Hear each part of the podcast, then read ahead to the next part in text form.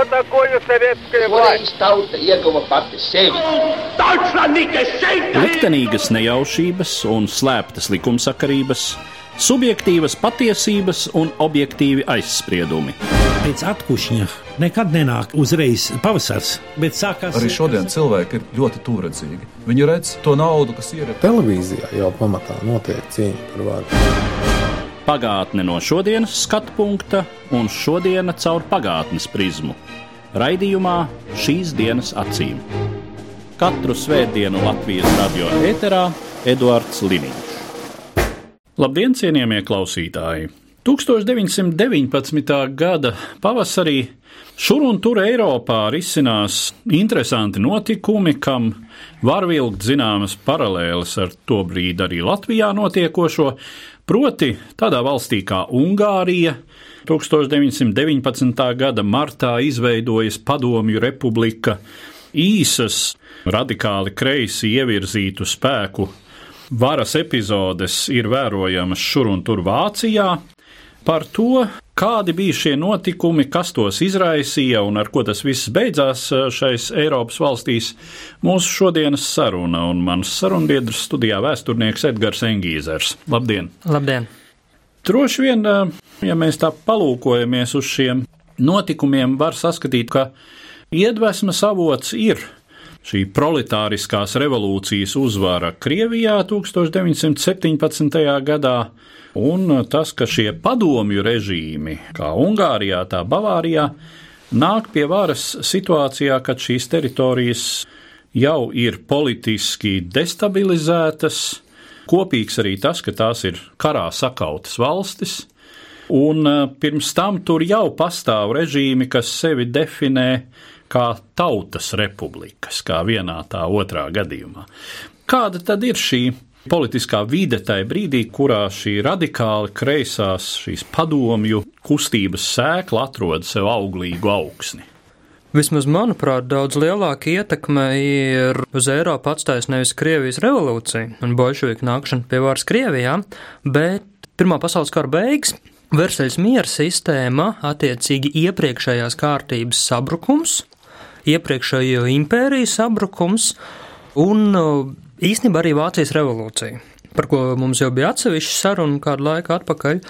Es pat gribētu vēl piebilst, ka ne jau tikai bijušās Austro-Ungārijas un bijušās Vācijas impērijas telpā šīs bolševistiskās revolūcijas vai apvērsumi vai varas sagrābšanas mēģinājumi šo komunistisko republiku izveidošanos. Tādi paši mēģinājumi notika arī īrijā, īrijas neatkarības cīņu laikā, tādi paši mēģinājumi notika Sīrijā, kas ir ārpus Eiropas telpas, bet arī tieši saistīta ar lielajām pārmaiņām pēc Pirmā pasaules kara. Šīs padomju republikas vai bolševistiskās republikas nevienmēr padoms bija tā varas struktūra, bet vienmēr tas bija saistīts ar komunistiskajām partijām, pozicionējās kā pretversaļas sistēma vērsts. Krievijas revolūcijas ietekme, manuprāt, ir vairāk netieša nekā tieša, bet ļoti tieša un konkrēta ir padomju Krievijas ietekme. Sevišķi runājot par ideoloģisko fronti, sevišķi runājot par iedvesmas avotu, un mēs varam redzēt, ka faktiski visi šie mēģinājumi Eiropā 19. gada laikā radīt šo Vispasaules revolūcija, kā tajā laikā viņi dēvēja no Maskavas, ir tieši saistīta ar Trešo internacionālu. Kominterne Un, attiecīgi, jo sevišķi runājot par Ungārijas padomu republiku, bet arī citos gadījumos mēs varam redzēt tiešu komintērnes lomu gan pavēlu ķēdes izveidē, gan tiešā padomu Krievijas valdības iesaistīšanā, gan arī veidojot šo saistīto informācijas tīklu. Līdz ar to es teiktu, ka daudz svarīgāks ir fakts nevis, ka Krievijas bolševiki ir nākuši pie varas, bet jau nākamā pakāpe viņu realizēta ārpolitika. Un līdz pat 24. gadam šī ārpolitika bija vērsta uz vispasaules revolūcijas izveidošanu, faktiski uz Eiropas pastāvošās kārtības sagraušanu. Un trešais, ko es tiešām gribētu atzīmēt, ka šis laika posms pēc Versaļas miera līguma noslēgšanas ir arī Latvijas vēsturē zināms kā tāds varas vakums. Un tas, ko šobrīd mēs uzskatām, un mēs redzam, ka Eiropa kā demokrātijas chronoloģiskā telpa ir ārkārtīgi jauna un ārkārtīgi vārīga šajā laikā, un viņa arī vēl nav paspējis nostiprināties, un faktiski tas ir tas, par ko mēs kā eiropieši varbūt arī šobrīd esam jau piemirsuši, ka tiešām šajā 19. gada laikā ir ārkārtīgi liela apdraudējuma Versaļas sistēmā iezīmētajai demokrātijai, un uh, bolševisms un komunisms un padomju Krievijas ietekme Eiropā ir daudz spēcīgāka. Runājot par Ungāriju, te mēs redzam diezgan konkrētu šo revolūcijas eksportu no Krievijas, jo tas padomju Ungārijas organizatoriskais kodols ir Ungārijas kompartija, kas ir nodibināta Maskavā 1918. gada beigās no bijušajiem Austro-Ungārijas armijas karavīriem, kas ir krituši Pirmā pasaules kara laikā gūstā, guvuši attiecīgu bolševistisku apstrādi, un uh, no šiem karagūstekņiem tad arī veidojas Ungārijas kompartijas kodols, un uh, otrs, ka tajā brīdī, kad uh, pie varas Ungārijā nāk sākotnēji vēl komunistu un sociāla demokrātu alianse, kura sevi nodēvē par Ungārijas sociālistisko partiju. Savukārt Bēla Kūns, kurš ietilpst šajā valdībā un ir Ungārijas komunistu līderis, saņem ļoti konkrētas instrukcijas par radio no Vladimira Ļeņina, un savukārt Ļeņinam atskaitās par to, kā komunisti diezgan ātri un sekmīgi izstumi no varas praktiski visus mērenākos, tātad šos sociāldemokrātus, nu, lai gan, teiksim, sociāldemokrāts Šandors Gārbai nomināli paliek padomju Ungārijas valsts galva, lai gan ir nepārprotami, ka Bela Kuns ir faktiskais līderis. Tad sākas zināma ekspansija, un te arī ir tāds interesants moments, proti šai uh, Ungārijas padomju republikai ir gatavi kalpot ne tikai pārliecināti komunisti, bet arī tie, kuriem šķiet, ka šī vara tiešām atjaunos Ungārijas valstisko varenību, kas ir Pirmā pasaules kara iedragāta un katrā ziņā tuvinās Ungārijas valstiskās robežas tām, kuras Ungāri vēsturiski ir raduši uzskatīt par savām, kas ir krietni, krietni lielākas nekā tas, ko Ungārijai ir gatavi atstāt pēc attiecīgi Parīzes miera konferences uzvarējušo rietumu valstu vadītāji. Instrukcijas no Ļeņina puses tas varbūt tās vēl ir tā maigi teikt, jo konkrēti attiecības ar Belkunu pat varētu raksturot tādā ļoti tiešā pavēļu ķēdes hierarhijas izpratnē, jo ja vien, vienā dienā pienāk telegrāma no Ļeņina par sociālistu izspiešanu no valdības un nākamajā dienā šis process tiek uzsākts, Jāatzīmē, ka Ļeņina loma sevišķi Ungārijā ir ārkārtīgi liela. Viena lieta, ko vajadzētu uzsvērt, runājot par šīm bolševistiskajām republikām. Man tiešām labāk patīk lietot vārdu bolševistiskās republikas, jo viņas viss balstījās ļeņiniskajā marksismu interpretācijā. Šeit vajadzētu nodalīt marksismu vai šo klasisko Rietuma Eiropas sociālismu no tā izpildījuma, kas bija atkarīgs no Ļeņina izpratnes. Un šeit arī parādās tās lielās paralēles ar Latvijas vēsturi, Pēters Tučkas režīmu nacionalizāciju, tā skaitā zemju un ražošanas nacionalizācija, kas tajā pašā Ungārijā, kā agrārā valstī, arī radīja liels pretruns ar zemniecību un arī atgrūda šo režīmu no lielākās tautas daļas. Līdz ar to šī Ļeņina ideoloģiskā ietekme un tā, ko mēs saucam par ļeņinismu, viņi ir ārkārtīgi liela. Interesanti arī, ja mēs tā palasām, kādi tad ir tie galvenie uzstādījumi un tie pirmie lēmumi, kurus pieņem jaunā padomju Ungārijas valdība, nākus pie varas, tad, ja mēs sākam lasīt šo sarakstu, tad tas sākuma gals šķiet visnotaļ atbilstošs demokratizācijas, impērisko sistēmu noārdīšanas tendencēm, kādas tās ir visur Eiropā. Atcelt muizniecības tituls un privilēģijas, šķirt baznīcu no valsts, pielīdzināt minoritātes tiesībās pamatnācijām, vārda sapulču brīvība, bezmaksas izglītība, zemes īpašumu nacionalizācija tie ir lielāki par 40 hektāriem, ja nemaldos. Tad nu tālāk gan jā, jo nacionalizācija tad jau pēc padomi revolūcijas parauga Krievijā skar arī komerc uzņēmumus, skar bankas, skar namīpašumus un uh, vēl dažas uzņēmumu kategorijas. Arī Latvijas gadījumā, piemēram, tās pašas vecsaimniecības, nu, viņas ir stipri lielākas par 40 hektāriem. Es nezinu konkrēti par iepriekšējiem saimniecību izmēriem Ungārijā, bet tas ir tas, kas tiešām sanikno Ungāru cilvēkus. Nemazākā mērā, kā tas ir radījis arī pretestību latviešos 19. gada laikā par šo zemes ekspropriāciju arī par to procesu, kādā tas notiek, ko gan Latvijas, gan arī Ungārijas vēsturē mēs viņu saucam par sarkano teroru. Un iespējams ir tas no mūsdienu redzes viedokļa, kas ir tā robežšķirtne starp pieņemamo vai nepieņemamo, bet ir jāsaprot, ka 19. gada bolševikiem un demokrātijas cīnītājiem un iepriekšējo monarhiju atbalstītājiem kara laika pieredze ir šīs robežas starp pieņemamo un nepieņemamo izpludinājusi daudz izteiktāk. Nevelti mēs runājam tiesa gan vairāk Francijas un Vācijas kontekstā, bet tas attiecās uz visu Eiropu par zudušo paudzi, par ārkārtīgi kara nomocīto Eiropu. Līdz ar to iespējams, ka mums ar mūsdienu pieredzi vajadzētu nedaudz vairāk tolerēt to vardarbības līmeni, kas Eiropu šajā laikā ir aptvērs. Runājot par padomju Ungāriju, kā viņu sauc, arī ārkārtīgi tāda interesanta nianses, ar ko padomju Ungārija atšķīrās no padomju Krievijas ar šīm pašām padomēm. Ka Ungārijā kā var pārņemt komunistu partiju, tā viņi nekādas padomas neizveidoja. Un uh, tajā brīdī, kad uh, Bela kundze ziņo Ļeņinam par to, ka proletariāta diktatūra ir nodibināta, tad ir skaidrs, ka tā ir pat izteiktāka bolševiku komunistu partijas diktatūra nekā viņa bija pašā Krievijā.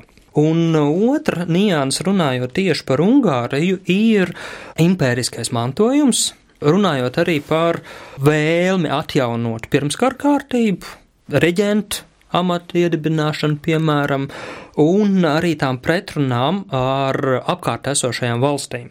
Jo jautājums, ar ko beidzās šis padomju Ungārijas stāsts, pavisam īsa atbilde būtu ar Rumānijas karaspēku ienākšanu Budapeštā.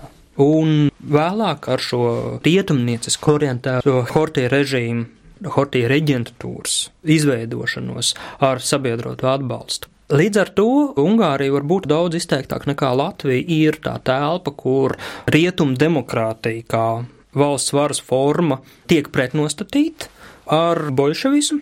Pat ņemot vērā Ungāriju kā nomināls karalists atjaunošanu pēc šī īslaicīgā kara, un uh, jāņem vērā arī Čehoslovākijas izveidi, kas notiek šajā pašā laikā, un arī Čehoslovākijas armijas militārās veiksmes. Jo bez Ungārijas padomju republika šajā pašā laikā vēl uz īsāku laiku posmu tiek izveidot arī Slovākijas komunistu partijas vadībā. Un tas, ka Čehoslovākijas armija ir sakāvusi Slovāku komunistu bruņotos spēkus, tas ir arī viena no naglām Ungārijas komunistu valstiskuma zārkām. Par Slovākijas padomu republiku jau jāsaka, ka tā top eh, tiešā Ungārijas padomu republikas ekspansijas rezultātā. Jāuzsver teritorijā, kura vēsturiski ir piederējusi Ungārijas karaļvalstī un attiecīgi Ungāri to uzskata zināmā mērā par savu. Līdz ar to viņiem šī ekspansija šķiet salīdzinoši leģitīms solis. Nu, un tikpat leģitīms solis viņiem šķiet, protams, mēģināt atdabūt atpakaļ tās Ungāru zemes, kuras tagad ir piekritīgas Rumānijai. Un tur ir šī teritorija Transilvānijā, kas ir jaukta pēc etniskā sastāvā, kur ir Ungāru diezgan kompakti apdzīvoti rajoni, kuri savukārt eh, ir nošķirti no pārējās Ungārijas ar eh, rajoniem, kur dominē rumāņu iedzīvotāji. Protams, Rumānija, kā Pirmajā pasaules karā uzvarējusi valsts, pretendē uz šo teritoriju, un tad galu galā šis konflikts starp eh, padomju Ungāriju un Rumānijas karalisti arī izšķir padomju Ungārijas likteni. Nu, protams, Rumānijai zināmu atbalstu sniedz arī dzen pārējās Antantes sabiedrotās, un turpat netālu jau tagadējās Dienvidslāvijas teritorijā atrodas arī Francijas armijas spēki tajā laikā. Tādā veidā, teiksim, ielēgta no visām pusēm arī šī Ungārijas padomju republika beidz savu pastāvēšanu. Nu, un, protams, arī pašā Ungārijā iekšēji. Šī padomju Ungārija slimo ar visām tām pašām kaitēm, ar kurām sirgst šie padomju režīmi tajā laikā. Tātad ātri sabrūk saimnieciskā dzīve šo sociālo eksperimentu rezultātā apgāde ar pārtiku nonāk katastrofālā situācijā, un līdz ar to arī tautas noskaņojums un attieksme pret šo varu. Ungārijas gadījums, vismaz tā tas starpkaru literatūrā, tika piesaukts, ir arī raksturīgs ar gan sarkano, gan balto teroru. Lai gan iespējams, ka ja mēs tā skatāmies ar šī brīža skatu uz to visu, tad uh, vērtējot proporcionāli, tai pašā Somijā, piemēram, cīņa starp sarkanajiem un baltajiem ir vēl krietni nežēlīgāka. Tas, manuprāt, izriet no šī bolševismu iedibināšanas prakses un sabiedrības reakcijas uz to. Jo tajā brīdī, kad uh, sabiedrības ir pirmkārt vardarbīgas, ar ārkārtīgi nesenu, ļoti izteikts vardarbības pieredzi, un viņas ir arī labi bruņotas pēc Pirmā pasaules kara. Tad, tajā brīdī, kad Ungārijas, piemēram, sarkanā armija vai sarkanā gvārda ekspropriē īpašumus un ražošanu, un tā rezultātā iestājas pārtiks trūkums, atsevišķos reģionos bāts, tad vietējie iedzīvotāji vai viņi ideoloģiski vai pretinieki, un šeit īstenībā pietiekami liela loma spēlē arī Miklāša Hortī un viņa bruņotie spēki, viņa nacionālā armija, tad konflikts ieņem totālu karu. Un uh, ņemot vērā šo ideoloģisko pusi, arī civiliedzīvotāju upuru. Jo tas, ko mēs saucam vai nu par sarkano, vai nu par balto teroru, tas ir nekas vairāk kā bruņoto spēku, ja modernā valodā kombatantu iesaista pret civiliedzīvotājiem, civiliedzīvotāju nogalināšanu. No visām pusēm šajā totālā kara laikā, kad uh, ir ļoti liela šī padomju Krievijas bolševiku partijas loma, un tajā brīdī, kad mēs jau sākam runāt par ideoloģisko komponentu, tad arī šī civiliedzīvotāju upuri ir liela, un, diemžēl, viņi ir abās pusēs. Pievēršoties vēl šim epizodiskajam padomju republikas precedentam Bavārijā, Bavārija, kas nekad īpaši ne pirms, ne pēc tam nav bijusi izteikti kreisu, kur nu vēl radikāli kreisu spēku atbalsta punkts. Bet, nu, lūk, šai Pirmā pasaules kara noslēgumā, te laikam sava loma ir tam, ka Bavārija tobrīd vēl 20. gadsimta sākumā Vācijas impērijas sastāvā ir salīdzinoši autonoma. Es vēl gribētu papildināt to, ka Bavārija kā valstisks veidojums Vācijas impērijas sastāvā ir ar diezgan ilgstošām varas problēmām. Konflikts starp aristokrātiju un monārhu ir faktiski kopš Franču prūšu kara laikiem, un līdz ar to valsts vara, karaļa vara Bavārijā, viņi ir diezgan vāji. Manuprāt, tas arī ir tas iemesls, kādēļ šajā laika posmā tas varas vakums, kas ir aptvērs visu Vāciju, Un šī epizode gan būtu, manuprāt, vairāk skatām visas Vācijas revolūcijas kontekstā. Komunistu nākšana pie varas jau nav tikai Bavārijas epizode, un mēs runājam gan par Brēmeni, gan par pašu Berlīnu gal galā. Un jautājums ir par to, kā Bavārijā tā komunistu valdība tik ilgi noturējās. Faktiski tas ir vesels mēnesis, un šajā gadījumā, kas šķiet tikai mēnesis, bet priekš Vācijas tas ir diezgan daudz, ja mēs skatāmies, cik ātri valsts centrālā vara atrisināja sāpīgi, bet atrisināja komunistu jautājumu Berlīnai kā šie procesi notika citur Vācijā, tad tieši šī autonomija no vienas puses, un arī mēs redzam, ka lielā mērā šo Bavārijas padomju varu izbeidz ar centrālās armijas palīdzību, ar Reiksvēru palīdzību. Principā ir duāla cēloņi. Viens ir šī autonomija un varbūt tās mazākā sasaista ar jau atrisināto revolūcijas jautājumu kopumā Vācijā, bet uh, arī ar šo gadu desmitiem ielgušo varas krīzi, kas, gribot, negribot, tomēr veicina dažādus radikālus un dažādus anarchistiskus strāvojumus tajā politiski aktīvajā sabiedrības daļā. Bavārijā tā īsi ieskicējot tos notikumus 1918. gada novembrī, sabrūkot Vācijas impērijai, tiek pasludināta Tautas republika, teorētiski pilsoniski demokrātisks varas modelis, bet eh, tad, kad 1919. gada janvārī notiek vēlēšanas, mēreni kreisie spēki šais vēlēšanās lielās līnijās zaudē. Un tad ir vēl viens veiksmīgs atentāts, tātad tiek nogalināts līdz tam šīs Bavārijas Tautas Republikas galva.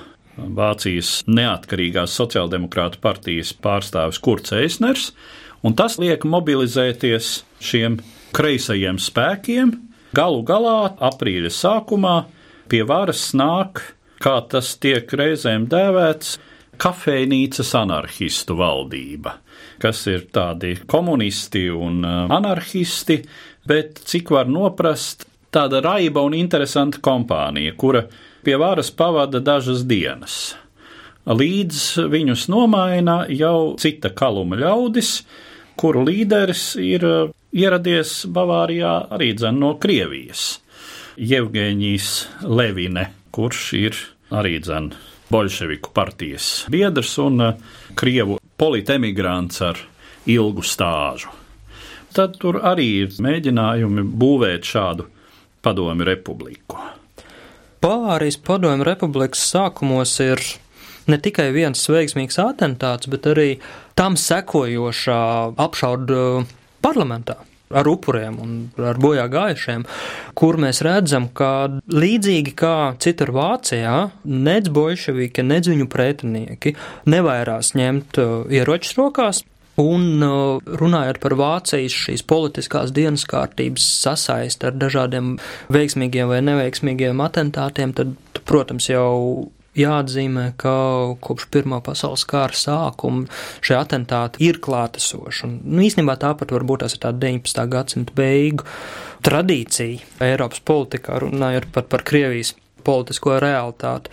Bet uh, runājot par šo padomi Bavāriju, jā, pirmā valdība noturās pie varas faktiski vienu nedēļu. Tā ir tāda izteikta, gandrīz vai Čigavaras tipa revolucionāra, ja mēs tā anahroniski varam attiecināt pazīstamo uz iepriekšējo, kas ir pietiekami veiksmīgi, lai sarīkot apšaudu parlamentā, bet runājot par tādām ikdienas organizatoriskām spējām, un šajā gadījumā, protams, par bruņoto spēku organizēšanu vispirms, parādās jau pie apvāršņa pieredzējušāki un, un strateģiskāk domājoši kadri šīs beigas 3. maijā pat jau ātrāk pienāk līdz ar brīvkorpusu un valsts armijas iesaistīšanos un pietiekami ātro virzīšanos uz priekšu, un mums arī ir jāskatās nedaudz geogrāfiju un tā laika loģistikas īpatnībām, kā Atšķirībā no mūsdienām, ja kaut kur liepājā paceltu karogu nepareizā krāsā, tad no Rīgas uz turieni varbūt dažu stundu laikā to karogu aizbraukt un noņemt. Tad, tad Bavārijas gadījums tas jautājums, protams, arī ir par to, cik ilgā laikā valsts struktūras, gan armija, gan arī brīvkorpus, kam tika dot pietiekami liela vaļa, tur spēja bruņotā veidā atrisināt šo valsts apvērsumu un šo padomu republikas izveidošanu.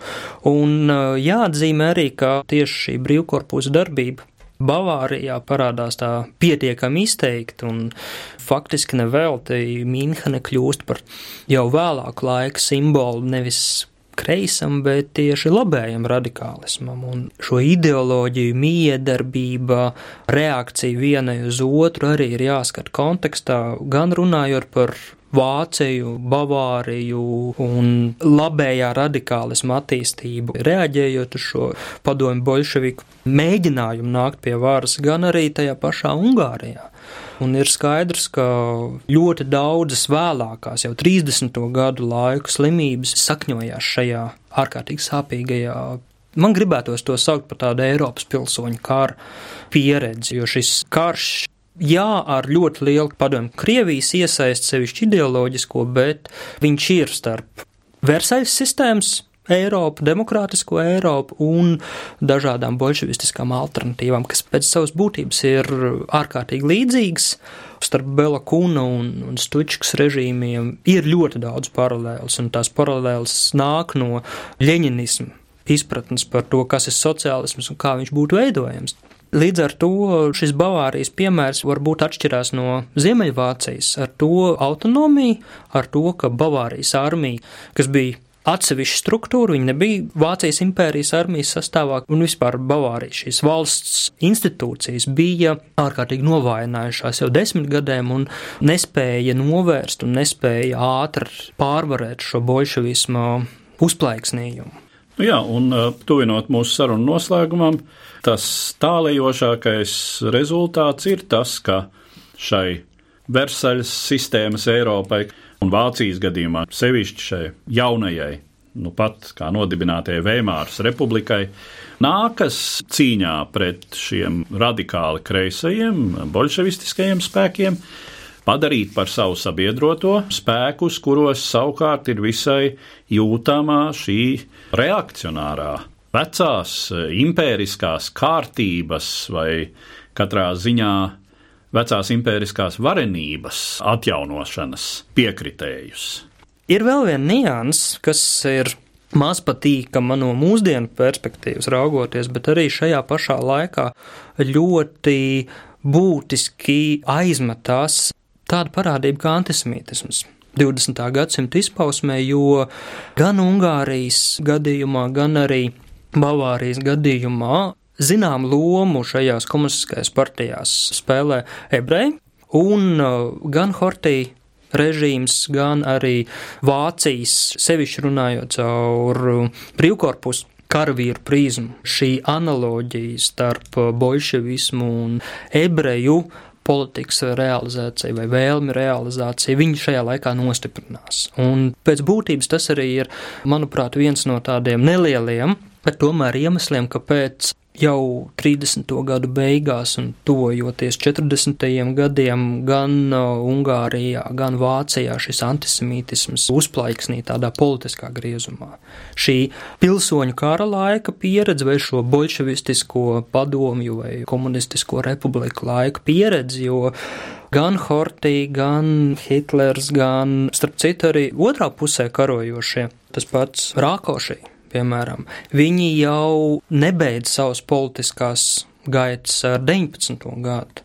Šie paši cilvēki arī spēlē ļoti būtisku lomu šo valstu vēsturēs arī 30. gadu beigās un arī Otrā pasaules kara laikā. Jā, un, runājot, un arī pēc Otrā pasaules jā. kara. Tieši tā arī Ferencs Rakoši, kurš ir viens no Ungārijas padomi republikas bruņoto spēku līderiem, vadītājiem, kļūst par jau Staļina okupētās un izveidotās Ungārijas Tautas Republikas vadītāji pēc otrā pasaules kara. Un šī sasaiste starp Eiropā nonākušiem bolševikiem vai Eiropas bolševikiem, kas bija spiesti pēc šo valstisko veidojumu izbeigšanās meklēt patvērumu padomju Krievijā, ļoti raksturīgs ir arī Bela Kuna paša piemērs, kad pēc tādas diezgan izteiktas karjeras veidošanas, ja tā drīkst izteikties, varas struktūrās, tā skaitā tīrīšanām Krimā un tādās pilsoņu kara nežēlīgākajās izpausmēs. Tad 37. un 38. gadā viņš vienkārši Staļina laika tīrīšanās tika iztīrīts. Un tas varbūt tas ir tas iemesls, kāpēc mēs neredzam viņu kā atslēgas figūru vēlāk jau padomju Ungārijas stāstā, bet visapkārtējie viņa pietuvinātie jau nekur nav palikuši. Un šī pretstāvēšana, šī konfrontācijas un arī pieredzē balstīts naids, jo šīs pieredzes nav patīkams gan cilvēkiem, kas cieta, gan arī tiem, kas tika iesaistīts. Viņi redz šajā laikā pretiniekus, un tajā brīdī, kad 30. gadu beigās sāk briest otrais pasaules karš, viss šīs traumas, naids, atmiņas, vēlme atriepties, viņas nāk atpakaļ. Un faktiski mēs runājot par šo īstenībā aizmirst to 19. gadu Eiropas kontekstā un šo bolševismu sānsoli, tādā globālās vēstures griezumā, jo dažas dienas, dažas nedēļas vai daži mēneši, kad bolševiki bija pie varas centrālajā un rietumē Eiropā, atsevišķos nogriežņos, atsevišķās tādās administratīvās vienībās, tas viss nāk gaismā jau 20 gadus vēlāk. Un tas ir tas iemesls, savā ziņā paradoks, ka par 19. gada Eiropas vēsturē mēs runājam ārkārtīgi maz, tādēļ, ka tas bija chronoloģiski ļoti īss, bet īsnībā viņa loma ir ārkārtīgi liela. Ar uh, tādu secinājumu tad mēs arī varētu noslēgt mūsu šodienas sarunu, kas bija veltīta īslaicīgi pastāvējušajām padomju republikām 1919. gadā Ungārijā un Bavārijā, un es saku paldies manam sarunbiedram, vēsturniekam Edgaram Engīzeram. Uz redzēšanās! Katru svētdienu Latvijas radio viens par pagātni sarunājas Eduards Līniju.